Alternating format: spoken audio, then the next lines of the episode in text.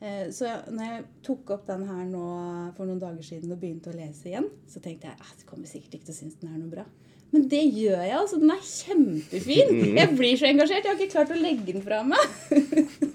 Det har ikke blitt skrevet et ord de siste Nei, det har ikke det. Det er Helt sant.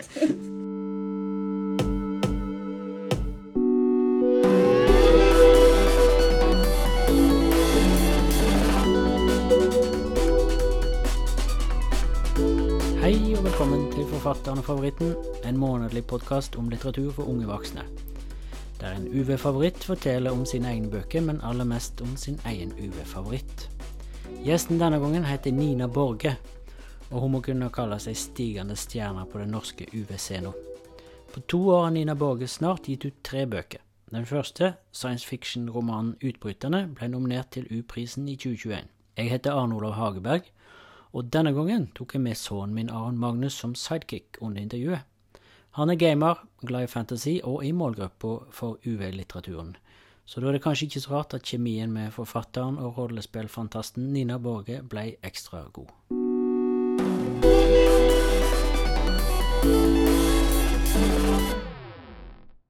Hei, Nina. Hei. Hallo.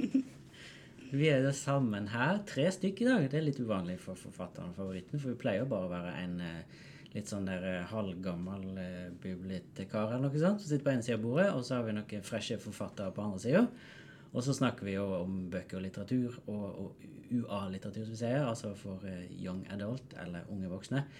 Men i dag så er vi kjempeheldige, for vi har fått med oss en person i målgruppa. Hei, Aron. Hei, Arne. Du kan kalle meg pappa, det er greit. ja, ja, Ok. Hallo, pappa. Aron Magnus Folle Hagberg. Mhm. Du kan presentere deg sjøl, da. Eh, ja, mitt navn er Aron Magnus Folle Hagberg. Eh, jeg er ganske glad i dataspill. Jeg er en veldig stor fan av sånn fantasiverden, eller hva jeg skal si. Hmm. Det passer ganske bra, fordi at forfatteren vi skal snakke om i dag, er jo Nina Borge. Som har skrevet om både fantasy og gaming. Jeg syns jo det er utrolig kult at du vil være med, da. Ja. Ja, Så slipper jeg å sitte med han treige faren din helt aleine. Det var det vi ville unngå. I eh, Forfatteren og favoritten så er vi jo opptatt av bøker for 15 til 20-åringer ca. Det er liksom hovedfokuset vårt. Og ehm, du skriver jo for den målgruppa sjøl, men så tenkte vi litt det er vel så gøy egentlig å begynne med å høre litt hvem var du sjøl når du var i den aldersperioden? Hvis vi på en måte reiser tilbake da til eh, skolegården når du gikk i første klasse på videregående f.eks. Ja. Hvem møter vi da når vi går bort til Nina? Når vi går bort til meg da. Ja. Åh. Em, ja, i første klasse på videregående. Da henger nok litt av ungdomsskolen igjen, da. Jeg syns jo ungdomsskoleåra var de verste åra i hele verden. Syns det var forferdelig å gå på ungdomsskolen. Det var sånn jeg søkte meg over på videregående, så sa læreren min sånn Hæ, har du søkt på studiespesialisering? Jeg trodde nesten du kom til å droppe ut, liksom. Eh, Det var ikke sånn at jeg hadde så veldig dårlige karakterer. Jeg bare syntes det var helt pyton å være på skolen. Så når vi kommer opp på, på videregående, så, så syns jeg alt blei mye bedre. Der eh, fant jeg på en måte et miljø som jeg syns jeg passa bedre inn i. Jeg var veldig opptatt av politikk. Jeg var med i Natur og Ungdom. Eh, og hvis vi går litt sånn lenger ut i videregående åra, så begynte jeg å lese mye fantasybøker. Og så, når jeg møtte mannen min, så begynte jeg å spille rollespill og være med på live, da, som er sånn impro-teateraktig ute i skauen med alver og dverger og øks og alt sånt gøy. Mm, så du sprang rundt Nå er vi i Sandefjord, eller? ja. Så du sprang rundt i, i, i, i, i Bøkeskogen, holdt jeg på å si? Og... Eh, ikke i Bøkskogen, for det er i det Larvik. Larvik. Jeg bomma alltid på den. Jeg var der i går. Men, ja. Eh, Ja, jeg var med i en ganske stor Eller sånn, en organisasjon da, som vi dreiv sjøl, bare ungdommer. Mellom 15 og 20 ca. Eh, og arrangerte Når vi var liksom i vår storhetstid, så hadde vi ganske store arrangementer med 150 deltakere. Og vi hadde laga en hel storyline, da, omtrent som du spiller et spill, ikke sant? hvor alle hadde hver sine roller. og eh, et stort plott og mange mindre plott. Og så spilte vi det ut i løpet av en helg. Kjenner du noen som sier sånn, Aron? Nei, det har jeg aldri hørt det før. Nei. Det ja, imponerende. holdt på å si. Ja, det var veldig gøy, men det var utrolig mye jobb. Sånn at eh, når vi mm, ja, slutta på videregående og begynte å studere og holde på med andre ting, så, så sklei det vekk, rett og slett. Mm. Ja. Var det gamere òg, de som sprang i skogen? ja da. Ja, absolutt. Det, både, de både gama og leste og holdt på med bokrollespill. Ikke sant? Sånn at man slår terninger og lager roller og sitter rundt et bord eh, og følger en historie. Eh, det holdt vi på med, og, og masse gaming. Slags rollespill var det du spilte? Eh, Sånn brett, tenker jeg. sånn. Som bredt, ja, Ja. vi spilte um, Vi har spilt mye Kutulu. Det er det jeg har spilt mest.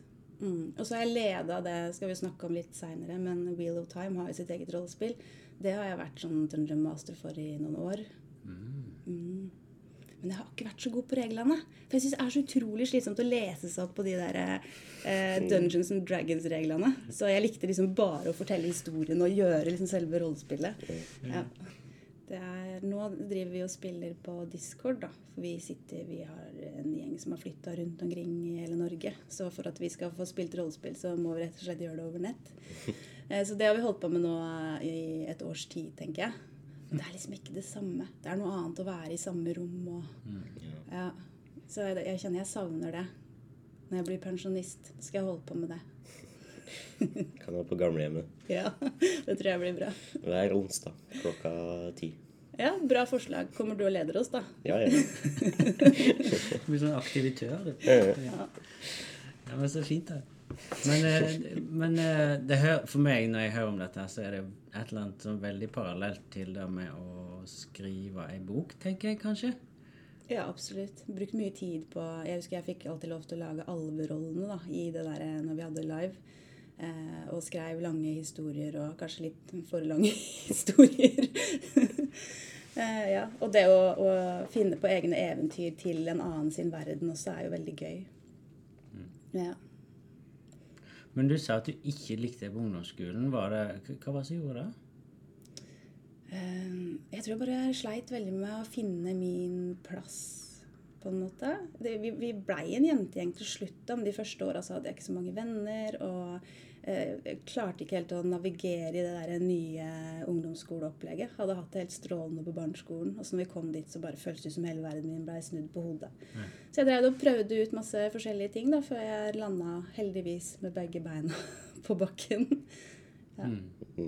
Jeg var nok ikke den eh, mest hyggelige tenåringen å ha i hus. Jeg tror ikke mora mi syntes det var så lett. Har du unger sjøl nå? Ja, En på åtte og en på tolv. Så snart tenåring. Snart tenåring.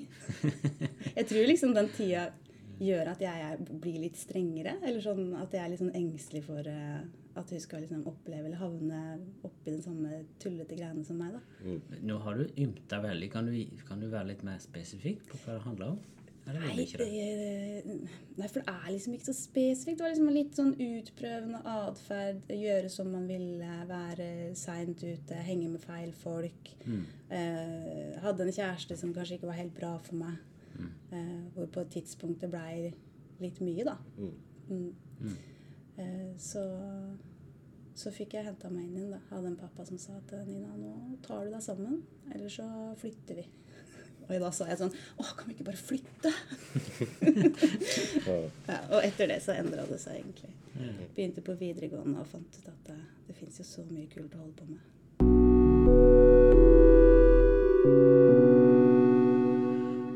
Men du har jo ei annen utdanning enn å skrive bøker. Ja, jeg er barnevernspedagog. Og så har jeg en mastergrad i forebyggende arbeid med barn og unge. Så har jeg jobba i barnevernet. Så har jeg jobba veldig mange år med enslige mindreårige flyktninger. Det er på en måte det jeg skulle holde på med, og det jeg elska å drive med. Og så kom den internasjonale og norske politikken, og nå er det ikke så mange enslige mindreårige, så det hele det, alt det er lagt Jo, ned. men de er bare De bare er ikke her i inn Norge. Nei, de er ikke her i Norge. Så, så, så den arbeidsplassen min er rett og slett lagt ned. Så de siste fire åra har jeg jobba som en sånn ambulant tjeneste. Hvor jeg hjelper barn og foreldre da, som ja, har forskjellige diagnoser. ADHD, Tourettes, autisme. Har eh, den eh, det yrket og den utdanningen der Har det noe å gjøre med hvordan du var på ungdomsskolen, liksom? Eller hva du sleit med på ungdomsskolen? Ja, det har nok det. Mm. Jeg så jo at eh, det var mange folk rundt meg som ikke hadde det noe bra. Og som var i kontakt med barnevernet. Og jeg tenkte at dette, jeg, dette har jeg lyst til å gjøre noe med. Så har jeg jo alltid vært veldig sånn glad i folk. ikke sant? Jeg er glad i å prate med folk og glad i å møte folk. Og det er liksom Det var veldig naturlig for meg. Jeg visste det på videregående allerede, jeg, at det var det jeg skulle. Så det var jo veldig heldig for meg. Slapp jeg lure på det. Mm. Når visste du at du skulle bli forfatter? da? Eh, ja. Det her eh, jeg, Ikke sånn bevisst før kanskje sånn I 2014 så meldte jeg meg på eh, et kurs som, for, på Forfatterskolen. Og det var da jeg tenkte at oh, dette har jeg lyst til å holde på med. Eh, men når jeg har vært yngre Jeg rydda i tinga mine fra barneskolen. Da hadde jeg en sånn eh, bunke på sikkert eh, 20 sånn håndskrevne bøker som jeg hadde sittet og laga. Så jeg tenker jo at drømmen var der da også. uh, ja. Som du hadde glemt litt og fant tilbake til? Nei, jeg tror jeg hadde holdt på med det hele tiden. Men det har vært liksom min greie, da. Jeg sendte inn et diktmanus når jeg var 16 til Gyldendal. Det blei aldri noen ting. Jeg tror ikke jeg fikk svar engang, jeg. Det.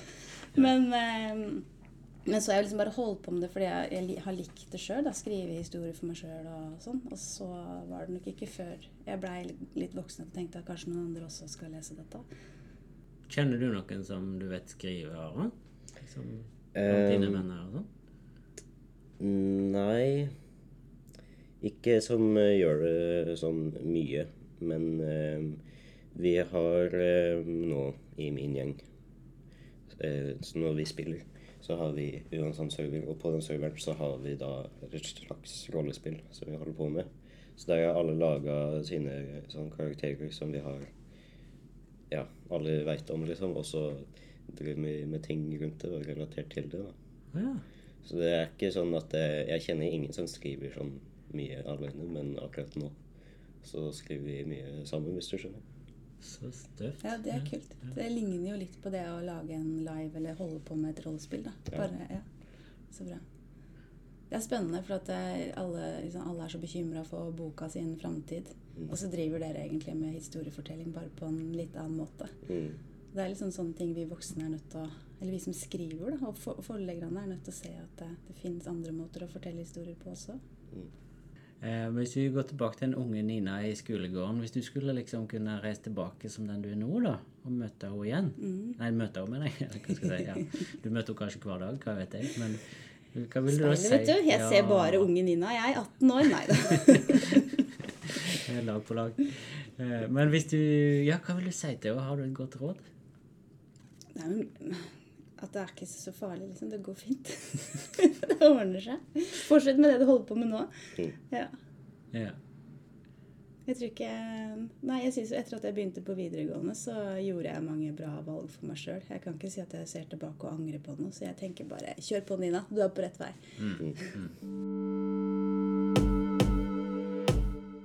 Jeg tror vi skal snakke om bøkene dine, Nina.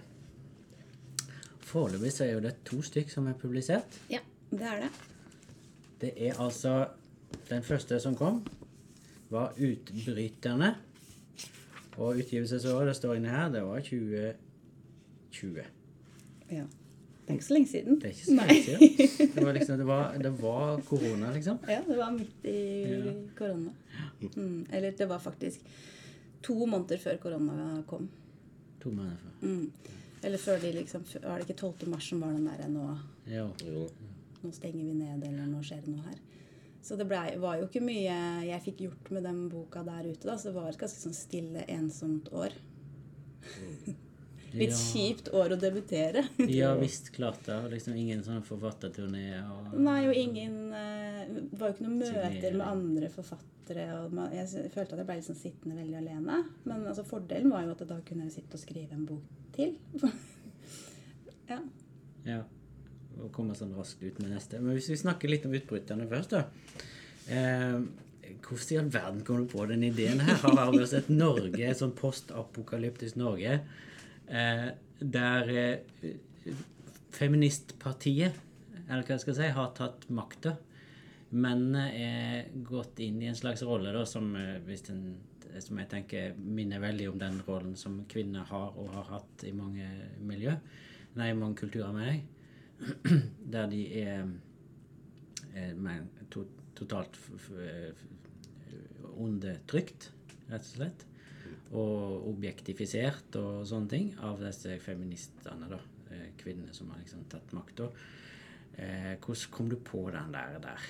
Ja, har, jeg har eh, vært opptatt av feminisme liksom. ja, siden videregående. da. Siden jeg var som 15-16 år, så har det vært en ting som, som har vært viktig for meg. Eh, og så selve ideen kom når eh, jeg satt og hørte på, på radioen, og så hørte jeg at de skulle opprette egne kvinnevogner i, eh, på T-banen i London fordi det hadde vært så mange overgrep. Så jeg tenkte liksom løsningen er at vi må ha egne vogner for kvinner, så ikke de eh, blir utsatt for flere overgrep. Så kjente jeg bare så innmari provosert av det. For hvorfor skal det være sånn at man skal liksom isolere offeret, da? Er, øh, er det sånn at jeg er øh, potensielt et offer uansett, da? Eh, Hva med menn? Er, de da, er du da en potensielt eh, Er dere potensielle overgripere? Ja, da bør jo dere ha deres egen vogn, da. Og ja, vær, vær så god, dere er menn, dere får være i denne vogna, for dere kan komme til å gjøre et overgrep. Det blir, eh, og jeg kjente at det gjorde meg veldig provosert. Eh, Og det var da ideen til den eh, kom. Eh, Og der er jo kjønnsroller snudd helt på hodet. Så jeg har jo ønska å sette på en måte Noah, som er hovedkarakteren der, i en del sånne situasjoner som jeg vet at kvinner rundt omkring i verden eh, opplever. Eh, samtidig så er det jo en bok med med eh, en, en fantasi, sånn en fantasyverden, da, som på en måte ligger ve veldig mitt hjerte nært. Og det var noe jeg hadde lyst til å skrive om. Lyst til å skrive om en verden som egentlig ikke finnes, hvor jeg kan bestemme eh, reglene og, og, og hva som skal skje, uten å være liksom bundet av alt mulig rundt. Eh, men så er det jo en dystopi, så det er jo lagt i Norge, og det er jo en framtid oppi dette her, som, eh, og en del klimautfordringer. klimautfordringer som, eh, som jeg tenker liksom er, eh, er viktig. Det er viktig for meg å formidle at dette er noe som bekymrer meg, og det er noe som, som vi eh, bør eh, være opptatt av. Eh, ja. Mm. Men det der Følte du det kunne være litt sånn der eh, Et litt sånn vågalt grep, da? Å kalle de feministene? Ja, det var et vågalt eh, grep. Eh, for jeg tar f.eks. kommunismen, da. Det er jo en grunnleggende fin tanke. Eh, hvor alle skal ha like rettigheter, og alle skal ha like muligheter. Men i, de, i veldig mange land hvor de har prøvd ut dette, så har jo det gått veldig galt. Og det har jo blitt diktaturer. Og jeg tenker eh, at det kan jo skje hvem Altså Det kan jo skje hvilken som helst, hvem som helst. Du har jo mange utallige eksempler på at det går gærent. Og det går dessverre gærent med feministpartiet også, som også blir eh, et, et totalitært samfunn, da. Det, men jeg må innrømme et, eh, at jeg angrer litt på det. Fordi at jeg får så utro... Altså det er det som blir fokuset med den boka. Eh, og det syns jeg er litt synd, for fokuset skulle egentlig være Noah sin opplevelse. Eller jeg ønsker at fokuset skal være Noah sin opplevelse av å være undertrykt. Ikke sant? For at når du snur opp ned på kjønnsrollene, så ser du hvor absurd det er at vi holder på sånn, sånn som dette. Eh, mens det forsvinner på en måte i den derre Oi, hva gjorde du med feministpartiet, Nina? Vi må jo ikke spoile, det er jo alltid viktig. Um, det er sant, sant lillesøster til Aron hun pleier alltid å si 'Ikke spoil, ikke spoil!' Ikke spoil. Ja, ja. Det. Er viktig. Ja, det er jo kjempeviktig. Så, så det må vi ikke gjøre. Men, eh, men vi må likevel snakke om bøkene. Og jeg syns jo at det, jeg må si det er en veldig sterk debut, da, for å si det sånn. Når jeg kommer inn etter her, så er det liksom himla, og du fanger meg veldig i, eh, i handlingen. Og jeg blir, ikke minst personene, da. Jeg blir jo veldig opptatt av at det skal gå bra for det, det skal gå bra for og Sånn, da. Yes, så bra. Ja, ikke sant? Eh, men der vet jeg at du har lurt litt på, Aron, det der med sånn der å, å beskrive folk og sånn. Eh, ja. Fordi at um, eh, Når jeg leste den Outlaster Det er jo en annen bok, men samme forfatter. eh, eh, ja, så merka jeg at det var mange karakterer som liksom eh, Det virker som at personlighetene deres blir påvirket av eh, deres rolle i boka. Sånn eh, for eksempel Ja. si han Andreas, da, som eh, han eh, Nei, nå holdt jeg på med å spoile. Ja, han, han har jo Han er jo kanskje ikke den hyggeligste på det laget. Nei, Nei. og det er liksom Hans rolle er jo eh, Syns jeg på en måte å eh, forlate det laget og bli med på et annet lag. Hvis du skjønner. Fordi mm, Ja. Men er det, er det noen gang påtenkt eh, hvordan du lager personligheter i forhold til hva du ønsker at karakterene skal gjøre i boka? Det er det helt sikkert. Jeg tenker at det kommer jeg nok ikke utenom. Men akkurat eh, Andreas, han, eh, han skulle egentlig ikke forlate det laget. Eh, han gjorde ikke det i de første versjonene. Sånn at den eh, men, men han endte jo opp med, med For å spoile, da. Så endte han jo opp med det, å gjøre det. Eh, jeg lager eh, karakterskjemaer for alle eh, folk i bøkene som betyr noe. Fordi det gjør jeg når jeg spiller rollespill. Ikke sant? Så det er jo veldig naturlig for meg å gå inn og, og, og sette inn karakteristikker og lage denne karakteren, akkurat som jeg gjør når vi spiller. Ja. For de som ikke har spilt rollespill, kan forklare. Det er jo et, er et A4-ark, på en måte, da, i, i Ja. rollespill i hvert fall. Der du har sånn der eh, hvor, hvor ma sterke magiske krefter de har, hva bakgrunn de har, hva slags personlighetstrekk de har. Så det er en del, mange sånne hva våpen de bærer med seg. Ja, Hvor ja. gode helse de har. Ja, sånn. Og så kan få, så kan du få veldig detaljerte sånne type ark. Eh, og så har jeg liksom bare tatt et sånt, og så har jeg kutta den ned. Og der putter jeg alle inn.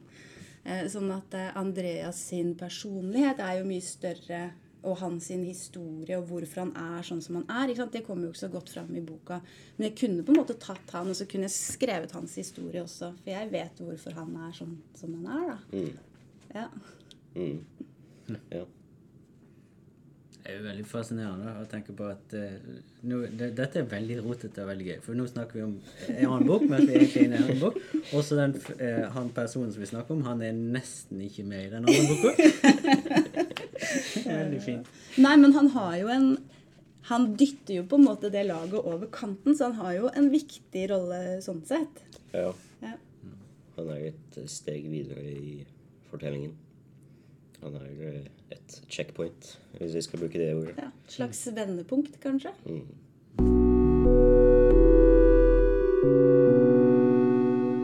Outlaster. Eh, den har du òg lest, Aron? Ja. Det har jeg. Det er en um, bok om en gutt som heter da eh, Adrian. Han eh, spiller mye, og han, eh, han spiller CSGO, og han handler Boka handler om han da, og et, eh, hans angst, for han har angst. Og så er det litt sånn konflikter rundt eh, hans forhold til laget og angsten hans og foreldrene. Mm. Og jeg syns jo det var veldig masse fint sånn forelskelse og sånt òg. Ja. Men jeg er jo litt sånn romantisk. Det er jeg òg. Ikke jeg så veldig. Nei. Det kommer, det kommer. Jeg, jeg kjenner jo ikke så mange voksne som driver med uh, spill, men uh, uh, Så jeg ble litt interessert, fordi du skriver veldig detaljert i denne boka her om hvordan liksom, et spillmiljø kan være, da, hvis du skjønner. Du skriver veldig sånn Jeg kan relatere til mye av det. Men eh, Har du Det jubles i studio. Har dere um, Nei, har du, mener jeg. Hva er dine kilder, hvis jeg skal kalle det det? Hvor er det du får all den informasjonen fra om Eh, nei, jeg spionerer jo på sånne som dere. da, Flyr rundt og kikker inn i vinduer på kvelden og har sånn avlyttingsutstyr. eh, nei, som, eh, som Jeg fortalte jo litt sånn om, om bakgrunnen min og, og Ja. liksom Ja. Eh, så jeg har jo en mann og, som spiller veldig mye, og så har jeg venner som spiller mye. Ehm, så, det, så det er jo primært derfra. Og så er, jobber jeg jo med ungdommer, så jeg ser jo mye gruppedynamikk og hvordan de samhandler, og, og møter mange forskjellige personer, da. Så, så det er jo en fordel det, selvfølgelig. Å se, se målgruppa mi og hvordan de har det, og hva de holder på med og er opptatt av. Så det, grunnen til at jeg valgte det CS-spillet, er at det er ganske gammelt. Ja. Ja, sånn at det, Jeg husker Martin, da, mannen min og jeg, vi flytta for oss sjøl når vi var 18. Og da hadde vi sånne LAN eh, med en haug med folk. Det var folk overalt. Det var liksom folk i senga og i sofaen og i på kjøkkenbordet og overalt. Og de, da spilte vi CS. så det var liksom Og det Jeg er ikke sånn som gamer så veldig mye. fordi hvis du skal være gøy å game, så må du gjøre det ganske mye, sånn at du kommer over hele den derre Ja. eh, hvor du bare, alt blir sånn detaljstyrt og du ikke forstår hva som foregår. Sånn at du må spille nok til at, det, at du mestrer det, og at det er gøy. Og den terskelen der, den er litt vanskelig for meg å komme over. Så um, jeg har hatt litt hjelp på detaljene av en 16-17 år gammel gutt som har gått gjennom manuset mitt og, og, og liksom pirka på ting. uh, og så har jeg spilte jeg det mye sjøl når, uh, når jeg skrev. Mm. Ja. Veldig ikke så flink, men, eh, men likevel gøy så lenge du ikke så lenge du holder på med det, ikke online, da. så, så går det greit. Hvis du prøver online, så er det jo bare dø med en gang. ja. Jeg føler man kunne, kan lære mye, da. Hvis man er i riktig målgruppe. Eller hvis man er f.eks. en forelder som leser denne boka. Og så kan man liksom se Men er det noen du prøver å treffe liksom direkte med det som står i boka? Prøver du å forklare et eller annet? Er, nei, ja. Ja, nei, nei. Eh, når jeg skriver, vet du, så jeg, jeg koser meg jo når jeg skriver. Det er det beste jeg vet å holde på med. Eh, sånn at jeg tenker ikke så veldig mye på hva andre skal synes eller tenke, eller hva, at jeg skal lære dem noe som helst. Jeg sitter og, og liksom går inn i disse karakterene og, og lever med dem. Eh, og og, mål, målgruppa mi er jo Adrian. Jeg, skriver, jeg skriver til Adrian. Dette er hans bok, hans historie, og den er til han. Eh, og det var sånn at eh, jeg gikk så opp i dette her at på et tidspunkt så føltes det ut som Adrian satt på en måte ved kjøkkenbordet og spiste middag med oss. og da var jeg litt sånn Nå må jeg sende dette manuset til redaktøren, for nå må Adrian ut av huset. For det er ganske krevende å ha Adrian. Ja. Ikke sant? Han er jo en litt krevende type. Mm. Ja. Jeg tenker det som, som er også, Gaming er viktig i boka, men òg det med å, å, å Det er veldig sånn styrende for både handlingen og for Adrian sin eh, si- si- sine handlinger av dette at han har eh, sosial angst. Um, og det beskriver du veldig sånn inngående, og du får jo oppleve det innifra han, da, sant? Um, så eh, Du har jo reist litt da nå et, de siste, siste månedene og fått møte lesere og sånn. sant? Eh, eh, hva respons får du fra, fra skoleklasser sånn som du møter på det der som har med den med angsttematikken? Ah, Det, det blir så tyst, eh, Arne Olav. Det, eh, så, så det som jeg, Da har jeg snakka mye om gaming først. Da er de innmari på, og det syns de er kult. Og det er, så, det er så lett å snakke om. Eh, og så går, går vi over og skal snakke om angst, så blir det helt stille. Det som er litt kult, er at jeg leser en passasje hvor eh, Adrian har gymtime. Og da er det helt stille. Og jeg føler at folk lytter, og etterpå så er det liksom litt sånn det føles litt som å bare ha liksom blåst litt over dem. Rett og slett. Eh, Så det er jo et, et tungt og vanskelig tema. Og så har du noen innimellom som, eh, som har noe å bidra med og ønsker å si, si noe om, også, om de kanskje har opplevd noe av det samme.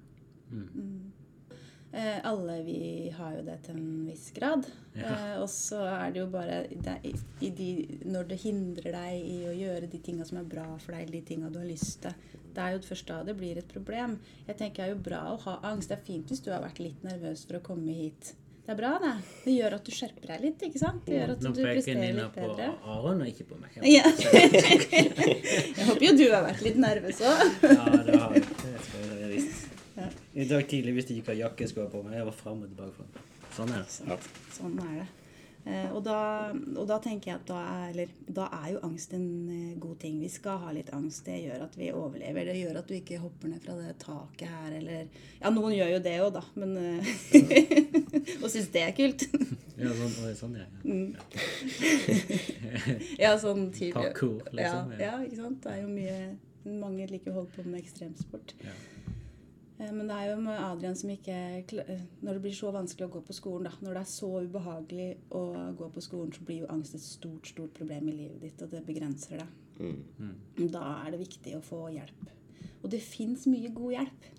Mm, så er, men det er, vanskelig å, ikke sant? det er vanskelig å snakke om, det er vanskelig å innrømme for seg selv, og det kan være knytta mye til skam over at man føler at man ikke er som alle andre, som gjør at man kanskje gjemmer det litt bort, og så får man ikke sagt det, og så får man ikke den hjelpa man trenger. Da.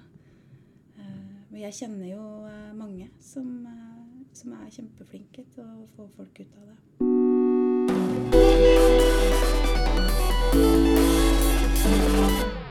Litteraturen kan jo òg ofte hjelpe folk i livet. Så nå tar vi en overgang til bøkene du leste når du var 15-20 år. Og da begynner vi på tredjeplass. Ja. Det hadde liksom passa bedre at vi begynte på første, men det er greit, vi kan ta tredje. Vet du hva? Vi, vi er jo våre egne sjefer. Vi gjør det omvendt, vi. ja. OK, siden du sier det. Vi begynner på førsteplass med ja, det er jo uh, Wheel of Time, da, eller Tidshjulet, heter den serien.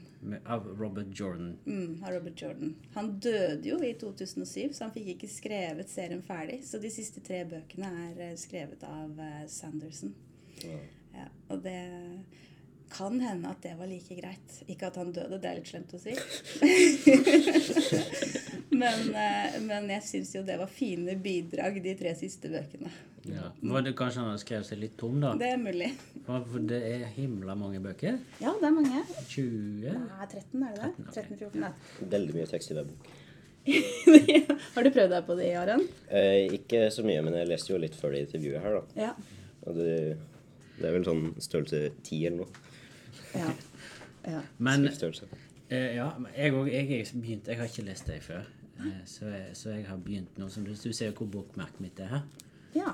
Mm. Mm. ser du har begynt. Ja, men eh, det, det, i en travel hverdag så er dette langt på, Ja. på de siste ja, dagene. Fordi jeg må si eh, Jeg skjønner jo veldig eh, hvorfor denne kan komme på en pall. Mm. Men jeg vil gjerne høre hvorfor du har den på din pall. Det, eh, det er rett og slett fordi at eh, når jeg var eh, i 15-årsalderen, da, så var jeg mye på biblioteket. Og så fant jeg disse bøkene. Eh, Ja, det skal sies at jeg leste 'Ringenes herre' først, da. Og den skulle jo absolutt vært på pallen, men så tenker jeg at det er litt kjedelig, for den, er, den vet jo alle alt mulig om. Eh, Så derfor så er ikke den der. Eh, eh, Men da satt jeg altså i friminuttene på videregående og leste denne i disse bøkene. Og det som er så fint, er at du får dem også i oppdelt da, i tre bøker per bok. Så da er den bare Da er den ikke så tjukk da, som det du ser nå. Sånn litt lettere å komme gjennom. Så jeg blei ble, veldig fascinert av hele denne verden her, hele denne fantasiverden eh, hvor alt er mulig. Eh, og etter å ha lest 'Ringenes herre' så tenkte jeg sånn at det, det kan jo ikke finnes flere sånne steder å dra til. Men det gjør det, og, og, og, og det gjør det over flere år. Og, for jeg har jo vokst opp med denne serien, for den var jo ikke ferdig før i ja, Nå husker jeg ikke, men det er ikke så mange år siden. Så jeg har jo lest liksom Jeg tror jeg begynte å lese på de som var femte eller sjette bok kom ut, og så venta jeg på neste. Og så brukte no, eh, de norske forlagene ekstremt lang tid på å oversette disse bøkene. Og jeg prøvde å lese de på engelsk. Hadde ikke kjangs, klarte det ikke. så, så den har liksom fulgt meg hele livet. Når jeg var i barsel med dattera mi i 2009, så leste jeg hele serien en gang til mens hun lå og sov. Så mm, ja, den står på pallen, for det ligger så hjertenært. Ja, den er helt på topp, rett og slett. Ja. Eh, Men tenker du at eh, Fordi at eh, altså utbryterne av din egen bok da, har jo liksom element fra en sånn type virkelighet. Det er en reise i et landskap, og det er liksom mm. og- det er en verden som heldigvis ikke fins, får vi si, når det gjelder utbryterne. Eh, mens Outlast er jo veldig sosialrealistisk. Eh, For Robert Jordan og denne serien Wheel of Time er jo ikke så den som går masse av på bibliotekene nå. Nei, Nei. nei, for det er jo lenge siden jeg var 15.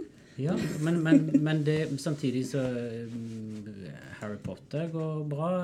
mm, Litt enda. Eh, tolken er jo jevnt og trutt? Jeg liksom? tenker jo liksom, hvis du, hvis du kommer deg gjennom 'Ringenes herre', da kommer du deg gjennom eh, den, den serien her også. Det er jo eh, Jeg tenker jo på mange måter så er den jo mer moderne enn 'Ringenes herre' også. Mm. jeg får jo veldig lyst til eh, Fordi 'Utbryteren' er på mange måter veldig inspirert av Wheel of Time. Mange tenker kanskje at jeg er veldig inspirert av Handmaid's Tale. ikke sant? Og det er jeg nok også. Jeg er veldig glad i Margaret Atwood. Hun kunne også vært på denne pallen. Eh, men i eh, Wheel of Time så har du eh, Noe av plottet der handler jo om eh, denne kraften, som en slags den magien der, hvor eh, den kilden har blitt ødelagt, sånn at den mannlige delen av kilden den er liksom smittig, så alle menn som bruker magien sin, de blir gale. Eh, og så har du noe som heter Asedaier, som er de som bestemmer, og de er bare kvinner. Og de har en egen fraksjon eh, som har på seg sånne røde kapper, og de reiser rundt og eh, stilner, altså tar bort magien til disse mennene, som liksom egentlig betyr at de, de forgår da, uten den kraften i seg. Kastrerer de litt? Ja, li- ja veldig bra. Kastrerer dem litt. Mm. Arkan kastrering. Ja. Eh, og det, så det er nok veldig inspirert av, um, av den hierarkiet i den verden. Og det er jo heller ikke så vanlig i fantasyverden. Du har jo selvfølgelig elementene med, med, med han som bor i en liten landsby og ikke vet at det skal skje noe stort med han, og så kommer det en magiker som sier at du skal bli noe stort, og så guider hun han Ja, men rundt. så har du jo Galadriel og sånn, Ja, som den store, rene kvinnelige kraften i, i Mi- Middle-earth for tolken og sånn. Ja. Så det er jo sånne Ja, men jeg tenker Robert Jordan, han eh, han, jeg, han tar liksom kvinnene litt på alvor, da. Han har jo han har seks hovedpersoner. Tre jenter og, og tre gutter. Og jeg tror at det, det kan nok være det som er noe av driven min til å lese disse bøkene. Eh, ja, fordi kjønnsrollene der er litt spennende, da. Mm. Og den skal komme som serie nå. Så du kan jo bare se serien, Aron. Nei, jeg må jo lese boka først. Eh, Ja, og det gleder jeg meg veldig til. Det blir jo helt fantastisk å se de, disse eh, folka som jeg har vokst opp med, kan bli til levende live. Ja. ja, det skjønner jeg. Hva Hvem er det som skal lage noe sånn, vet du det? Det er Amaz Amazon, Amazon. Prime. Mm. Jeg tror den kommer sånn 17. november. Tror den kommer akkurat 17.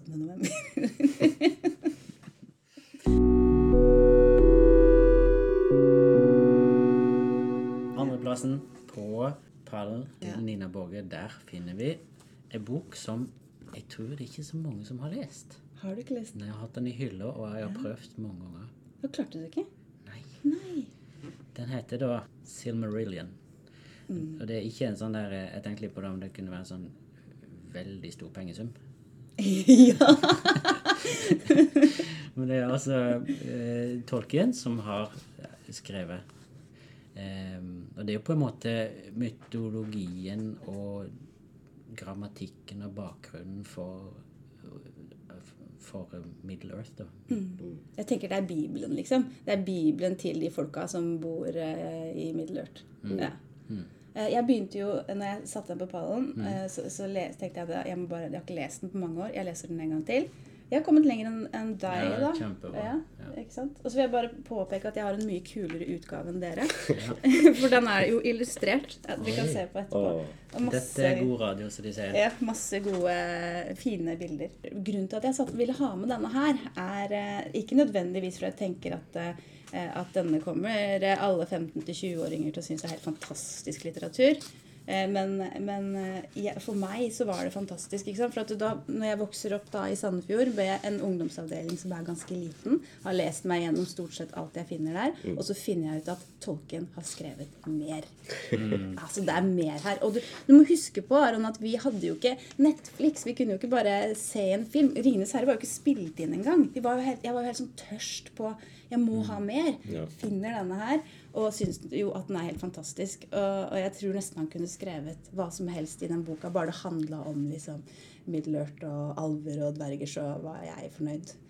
Eh, Så når jeg tok opp den her nå for noen dager siden og begynte å lese igjen, så tenkte jeg at jeg kommer sikkert ikke til å synes den er noe bra. Men det gjør jeg. altså. Den er kjempefin. Jeg blir så engasjert. Jeg har ikke klart å legge den fra meg. Det har ikke blitt skrevet et ord Nei, det har ikke det! Helt sant. Ja, men hva er det, da? Hva er det som er greia? Den er sånn veldig melodiøs i måten den er skrevet på. Og så er det, det er jo ikke sånn der, Ja, du har en person, og du har et plott, og det skal skje noe. Det, alt bare flyter sånn i hverandre. Og så, eh, hvis du er sånn veldig glad i 'Ringenes herre', så får du liksom svaret på hvorfor ting har blitt liksom Altså, hvor, hvor kommer orkene fra? Ja, det står i denne boka. Og jeg sier ikke hvor de kommer fra, for da må du lese. Eh, og, eh, og en annen grunn til at jeg tok den med, var eh, da jeg var 17. Så var jeg på en fest, og så møtte jeg Martin, mannen min, for første gang. Begynte å snakke med han. Og vet du hvorfor han ble forelska i meg? Fordi jeg hadde lest Silmarillion. Han kjente ingen jenter som leste fantasy, og han kjente nesten ingen som hadde lest Silmarillion. Så det var Det er et sjekketriks. rett Ja, det er skikkelig Hey, ja, da, da så. Da vet du det. Ja, ja. Ja, så bra.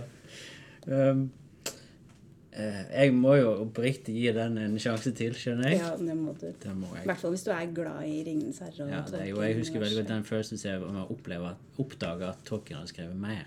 Men jeg må bare, og litt dette her med, med Tolkien sin eh, oppbygging av språk og sånn. Han var jo lingvist, professor i lingvistikk. vel.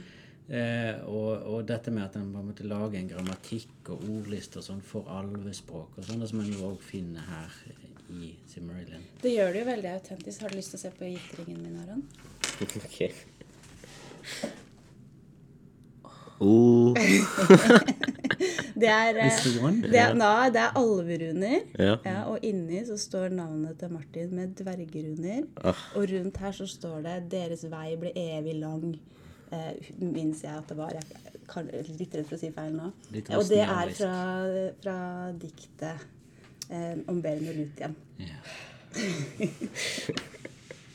ja, det er veldig kult. Det er, eh, det er litt romantisk. Og det sies at vi forlova oss når vi var sånn 18, da. Så det er jo ikke, helt, det er jo ikke sikkert den ringen hadde sett sånn ut om vi hadde gjort det i dag. Men, Tredjeplassen. og grunnen til at jeg tenkte at det var lurt å ha den nederst, det er fordi at eh, Nei, ikke nederst, men, eh, men, eh, men at vi snakka om den sist. Det Ja. er jo fordi når jeg da kommer inn på biblioteket, ikke sant, og så har jeg da lest alle disse fantasy-bøkene, og så har jeg lest Silmarillion, og så blir jeg sånn Herregud, jeg skal lese all fantasy i hele verden. Jeg skal lese alt, jeg skal lese alt. Og så drar jeg til Oslo, da. På Outland. Og så går jeg inn der, og så tenker jeg nei. Skal ikke lese all fantasy i hele verden, for der er det jo så sykt er så skrevet så mye. Helt sykt mye. Eh, og veldig mye av det er skrevet av menn.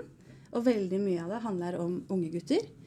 Em, når jeg var, når jeg var fem- 15-20 år. ikke sant? Og så er det ikke helt sånn nå lenger. Håper og tror jeg. Det er mange damer som skriver fantasy, og de skriver ofte om, om damer også. Eller jenter, da.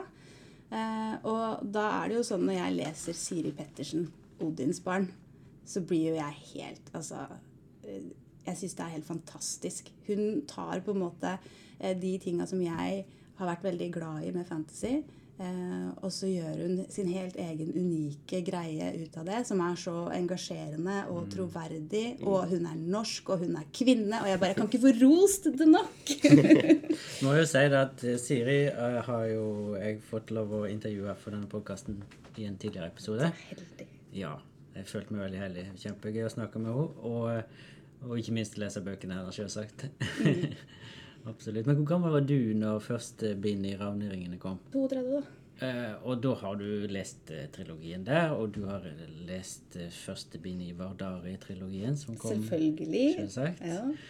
Eh, som da Siri lovte i forrige intervju at det skulle komme, komme nytt bind til våren igjen, altså 22. Ja. Våren 22. Men jeg følger henne på Instagram. Jeg syns hun er altfor mye ute i skauen. Hun må bare komme seg hjem og skrive. Ja. Så har du blitt påvirka av henne? Eh, ja, jeg tenker hun langt på vei eh, inspirerte meg til å skrive noe som var sånn basert i Norge. Eh, og at det er ok, og det kan være kult at det er norsk, da. Ja. Yeah. Um, og, og hun, er hun lager jo gode karakterer. Det også er jo veldig inspirerende. Og troverdig ver eller sånn, verdensbygginga hennes er jo helt fantastisk. Mm.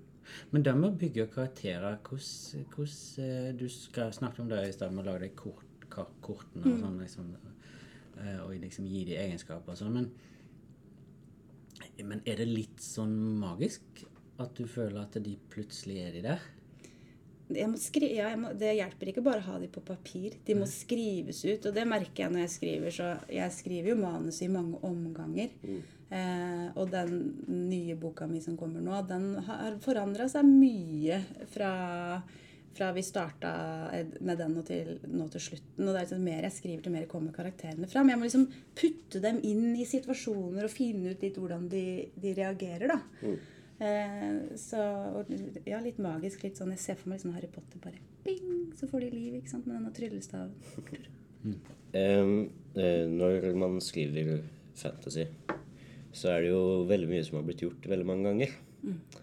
Eh, spesielt etter at eh, Tolkien skrev Eller ja, han definerte jo sjangeren fantasy, på en måte.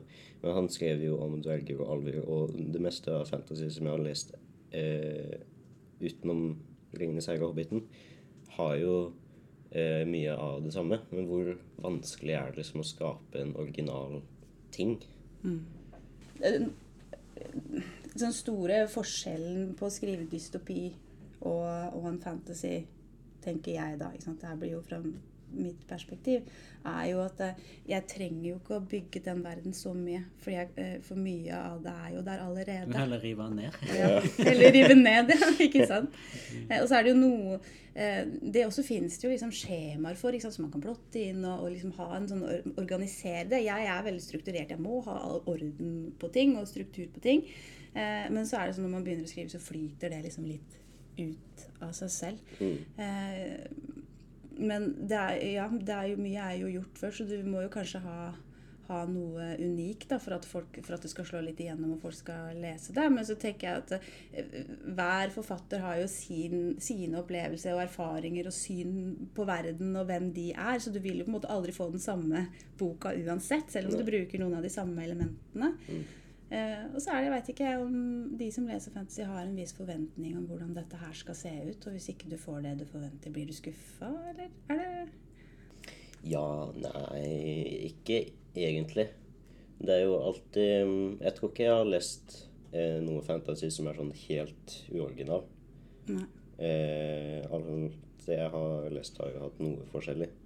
Men eh, jeg ønsker jo ofte å forvente noe nytt, da. Og det er jo eh, mange handlinger og steder og sånn som er helt nye, men eh, liksom konkrete ting og konsepter som magi og hvordan det utføres, er veldig likt på andre ting. Og så ja. Ja.